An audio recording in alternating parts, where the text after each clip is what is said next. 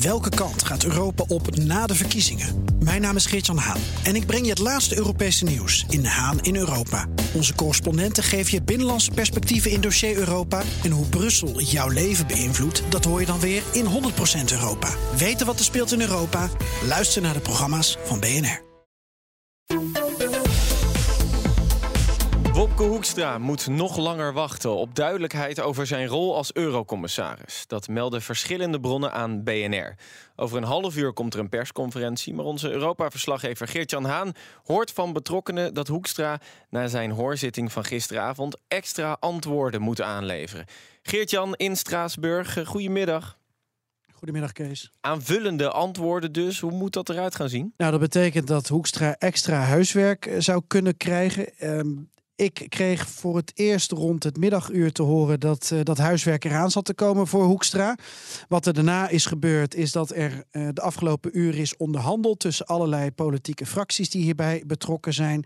En er is inderdaad om half vijf een persconferentie, maar nog steeds ziet het ernaar uit dat Hoekstra um, op een aantal terreinen moet aangeven wat hij nou precies wil. Gisteravond was die hoorzitting, toen heeft hij drie, drieënhalf uur lang allemaal vragen beantwoord. Uh, was hij groener dan groen? Uh, volgens Marcel van Roosmalen vindt Wopke Hoekstra de vega-versie van de McCroket lekkerder dan een gewone kroket. Zo groen was Wopke Hoekstra gisteravond. Um, maar ja, er zijn nu partijen die dat ook eigenlijk bevestigd willen krijgen. En wat gebeurt er dus nu achter de schermen? Er zijn onderhandelingen. En een, eh, een, een betrokkene die zei tegen mij: Ik heb gisteravond de wonderbaarlijke bekering van Wopke Hoekstra meegemaakt tot donkergroene politicus. Wat ik wil, is dat wij zijn toezeggingen op het deur van het Europees Parlement kunnen spijkeren. En dat hij wat hij belooft, dat ik hem daar elke dag op uh, kan corrigeren en uh, kan aanpakken. Ja, en dat is dus eigenlijk wat er nu uh, uh, gebeurt achter de schermen. En ja, de vraag is natuurlijk wel: het is een baantje, hè? een baantje voor uh, nog ineens een jaar. Tijdelijk Eurocommissaris voor Klimaatactie. Hartstikke belangrijk straks in Dubai bij de klimaattop. Maar al die toezeggingen op klimaatfinanciering en solidariteit, die vooral van de linksere partijen komen, kan een tussen kardinaal als Hoekstra die waarmaken. Dus ja, wat het allemaal waard is, jongens, het is wel spannend hier. Maar Gertel, is het dan politiek spel of wordt er echt serieus getwijfeld aan zijn overtuigingen of aan zijn plannen? Allebei. Uh, er wordt serieus getwijfeld aan uh, uh, dat Wopke Hoekstra koud doucht en praat met bomen, als hij dat zou zeggen. nog, nog een keer voor het konten van Marcel van Roosmalen.